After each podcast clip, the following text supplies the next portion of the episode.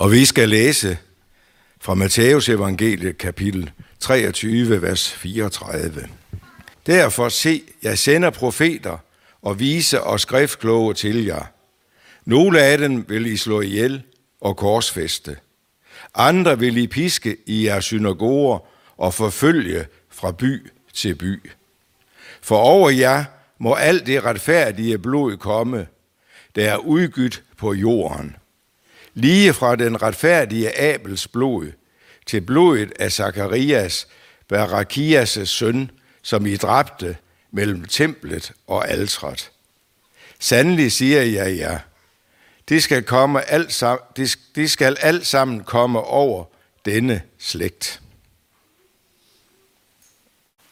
Jeg vil bede menigheden rejse sig, og vi vil sammen bekende vores kristne tro. I dag den nikenske trosbekendelse. Vi tror på én Gud, den almægtige Fader, himlens og jordens, alt det synliges og usynliges skaber. Og på én Herre, Jesus Kristus, Guds enborgne søn, som er født af faderen før alle tider. Gud er Gud, lys er lys, sand Gud er sand Gud, født, ikke skabt, af samme væsen som faderen, ved hvem alt er skabt, som for os mennesker, og for vor frelse steg ned fra himlene og blev kød ved Helligånden af Jomfru Maria og blev menneske. Som også blev korsfæstet for os under Pontius Pilatus, blev pint og begravet og opstod på tredje dagen ifølge skrifterne og opfor til himmels, sidder ved faderens højre hånd og skal komme igen i herlighed for at dømme levende og døde, og der skal ikke være ende på hans rige. Og på Helligånden, som er Herre og som levende gør, som udgår fra faderen og fra sønnen, som tilbedes og æres til lige med faderen og sønnen, som har talt ved profeterne, og på en hellig, almindelig og apostolisk kirke. Vi bekender en dåb til søndernes forladelse og forventer de dødes opstandelse og den kommende verdens liv. Amen.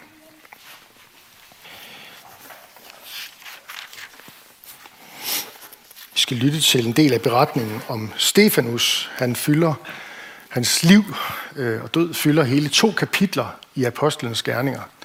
Så det er en øh, vægtig person, vi har med at gøre her. Fra kapitel 6 skal vi høre. Fuld af noget og kraft gjorde Stefanus store under og tegn blandt folket. Der trådte der nogle frem af dem fra den synagoge, der hed de frigivnes, kyrenæernes og alexandrinernes synagoge. Og nogen fra Kiligien og provinsen Asien. Og de kom i diskussion med Stefanus. De kunne dog ikke modstå den visdom og ånd, som han talte med. Så fik de i al hemmelighed nogle mænd til at sige, vi har hørt ham tale spottende om Moses og Gud. De ophidsede folket og de ældste og de skriftkloge og kastede sig over ham, slæbte ham med og førte ham for rådet. Og de stillede med falske vidner, som sagde, denne mand taler ustandsligt imod dette hellige sted og imod loven. Vi har nemlig hørt ham sige, denne Jesus fra Nazareth vil bryde dette sted ned og forandre de skikke, som Moses har overleveret os. Og fra slutningen af kapitel 7, efter at Stefanus har holdt en lang, lang prædiken, som I selv kan gå hjem og læse, så ender det på den her måde.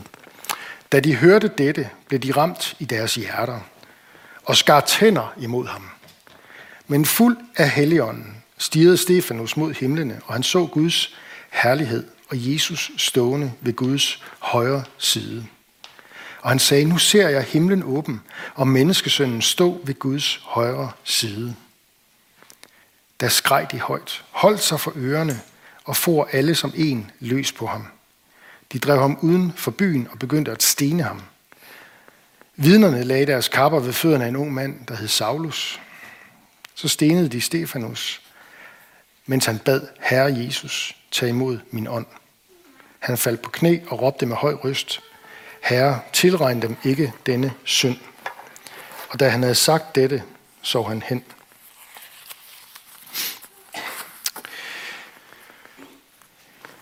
Ja, det ender jo næsten ligesom da Jesus hang på korset. Far, tilgiv dem, fordi de ved ikke, hvad de gør. Vi møder altså den her beretning midt i, midt i juletiden, hvor vi synger og hører om fred på jorden.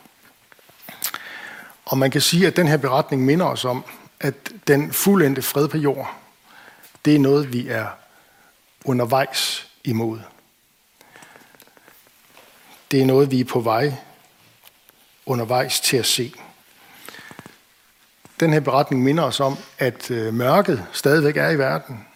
At der stadigvæk, lyset stadigvæk brydes med mørket. Freden brydes med krigen, uretfærdigheden og ondskaben.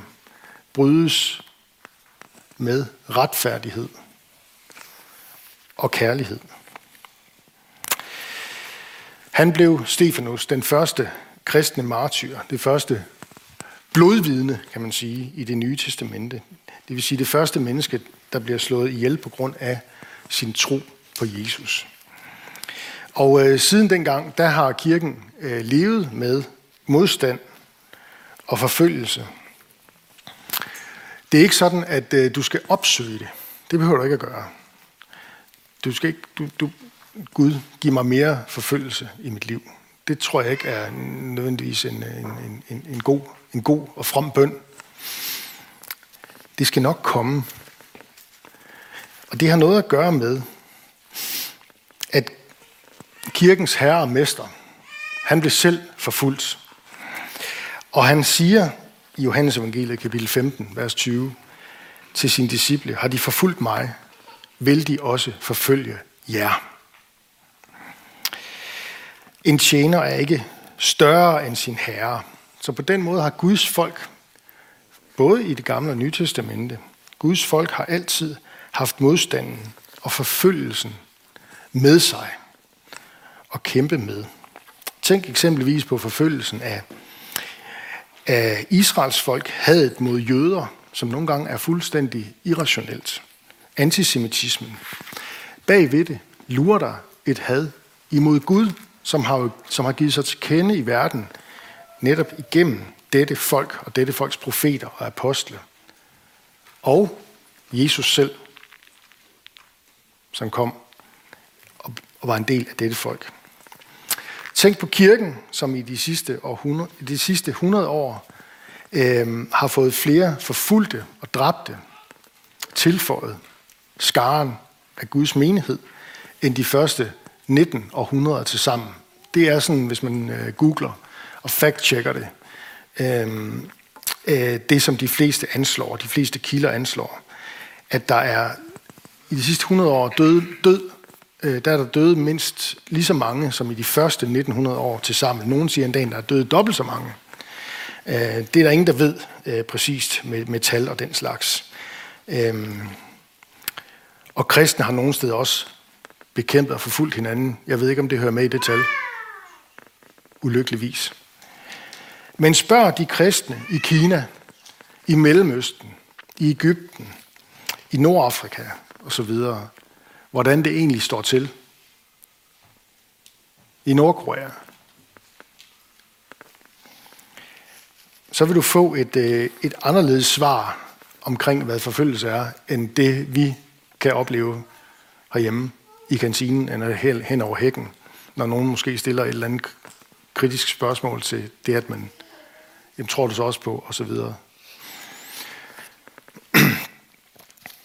Stefanus han bliver i kirkens øh, tradition senere mindet som en helgen, altså et menneske, der har levet tæt på Gud, og som vi på en særlig måde kan se hen til og lære af. Altså sådan et, et, et, vi er ikke helgener, men jeg tænker, man må gerne kigge sig omkring og spejde efter åndelige forbilleder, en åndelig far, en åndelig mor. Måske har du det allerede i din bibelkreds, måske har du det uden at vide det. Måske finder du først ud af det den dag, du risikerer at miste vedkommende. Et åndeligt forbillede, en åndelig far eller en åndelig mor.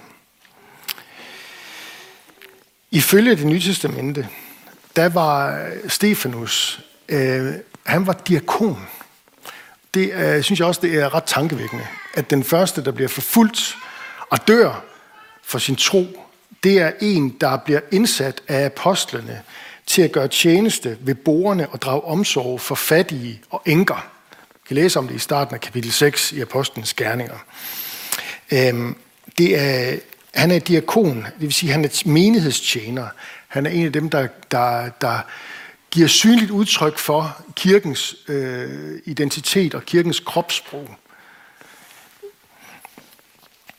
Det er tankevækkende, at kirkens første martyr, det var en, som på den måde tjente andre. En, som rakte ud og gav kirken krop, arme, ben. For Stefanus, det endte det med lidelse og død. Han var diakon, en af dem, der tjente andre uden bagtanke.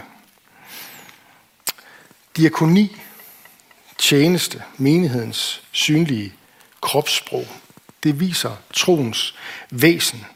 Og øh, en af de første kirkefædre fra det andet århundrede, han hed Tertullian, han siger sådan her omkring de kristnes gerninger. Ingen ord kan vinde så mange disciple som de kristnes gerninger. Det er tankevækkende. Men åbenbart er det sådan, at noget af det, der er synligt, det kan man ikke ignorere. Og den kristne tro er jo netop en tro, der manifesterer sig i verden. Det er jo ikke en tro på idéer og filosofier, men det er en tro på et menneske, der er kommet og har skabt en virkelighed, som optager rum her i verden.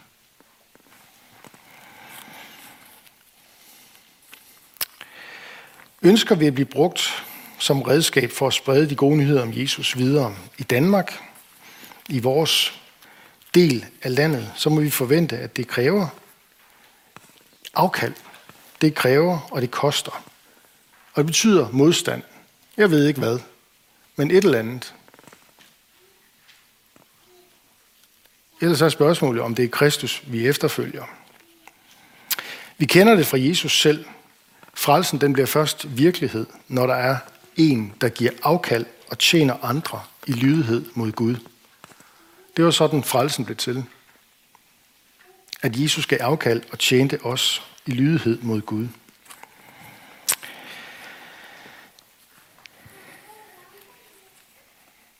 Der står om, øh, om de mennesker, der anklager Stefanus, at de blev ramt i deres hjerte, og så skar de tænder imod ham. Når Guds sandhed rammer, når Guds ord øh, ved Guds ånd rammer ind i vores hjerte, så kan vi måske også nogle gange selv opleve den der modstand. Den findes også indeni. Men der er et kald i den her beretning om Stefanus. Et kald til ikke at skære tænder, når Gud rører ved dit hjerte.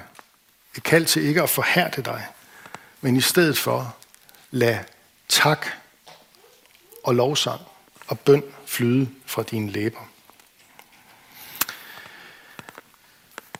Stefanus han fik et syn. Han så himlen åben og Guds herlighed og menneskesønnen stå ved Guds højre side. Og øh, en gang imellem så, jeg, det går, at jeg synes, det er lidt nørdet, men øh, jeg, jeg, vi er nødt til lige at stoppe op her, fordi han ser Jesus stå ved Guds højre side. Og øh, normalt, når vi møder beskrivelsen af, hvad der er det med, at Jesus er faret til himmels, så, øh, så er det lidt anderledes. Jeg har lige taget et par skriftsteder med her, som danner, øh, som danner baggrunden for det her med, at vi bekender troen på, at han er opfaret til himmels, siddende ved Guds højre hånd. Det er ikke det der skriftsted. Der skulle være et, der hedder Rombrevet kapitel 8. Der har vi den. Jesus Kristus er død, ja endnu mere. Han er opstået og sidder ved Guds højre hånd og går i forbøn for os. Hvorfor ser han ham så stående? Det kan jo godt være, at I tænker, ah, men altså siddende og stående, kan det ikke være lige meget? Kan det ikke, altså, ja. Prøv lige at tage det næste vers. Der, der står der om Jesus. Da han havde skaffet renselse for vores sønder, tog han sæde ved den højestes højre hånd i det høje.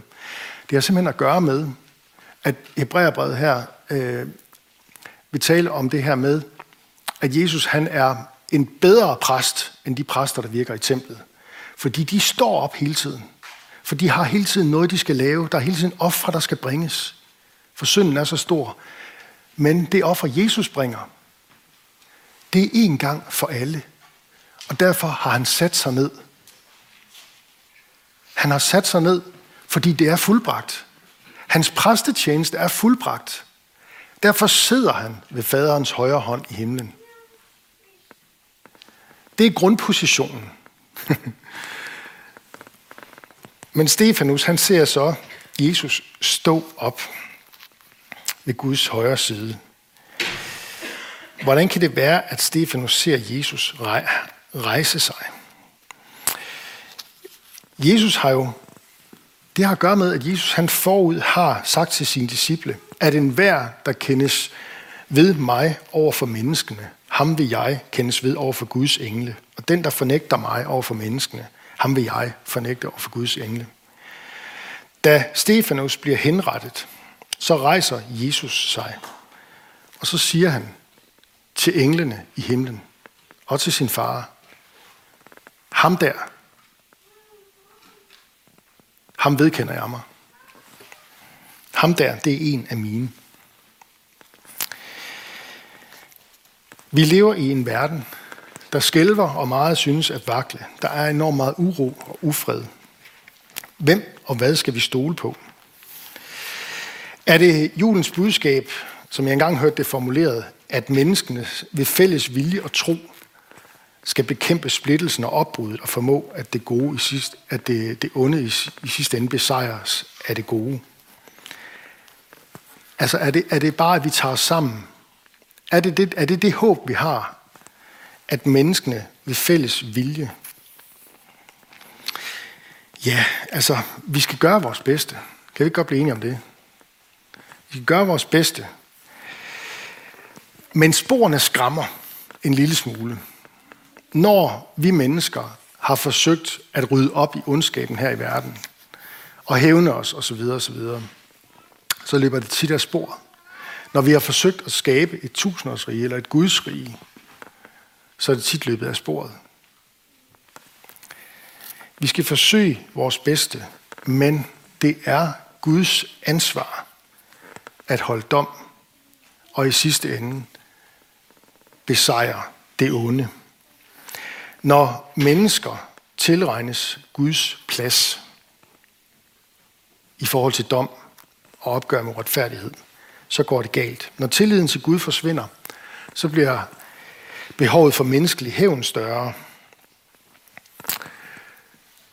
Derfor så må vores bøn sådan en dag som i dag være, at må Gud give sin menighed den tillid, som Stefanus havde. Og at vi må få lov at se i tro Jesus som Guds søn i himlen, siddende ved faderens højre hånd, hvorfra han skal komme og nyskabe himlen og jorden. Lad os bede sammen. Jesus, tak fordi, at englen i julenat kom med det budskab, at nu, nu er der født en frelser. Og det er dig, Jesus. Du bærer selv det navn. Herren frelser. Du er kommet for at frelse os fra synden, uretten, ved at dø på korset. Og du kommer igen og frelser os fra dommen og døden. Frelser enhver, der dåb og tro og tillid til dig. Vi beder i dag særligt for den del af din kirke ud over på jorden, som forfølges for dit navns skyld. Vi beder om, at du vil være dem nær, vi beder om, at du vil lade dem få lov at se himlen åben og menneskesønnen aflægge den bekendelse over for Guds engle. Det der, det er min datter. Det der, det er min søster, det er min bror. Det er en af mine. Jesus, vi beder om, at evangeliet er der må få fremgang. I Danmark, vend vores hjerter til dig. Vi beder for alle, der er blevet betroet magt og autoritet. Hjælp dem og os til at værne hinanden mod uret og vold. Og kom så snart og gør alting nyt. Amen.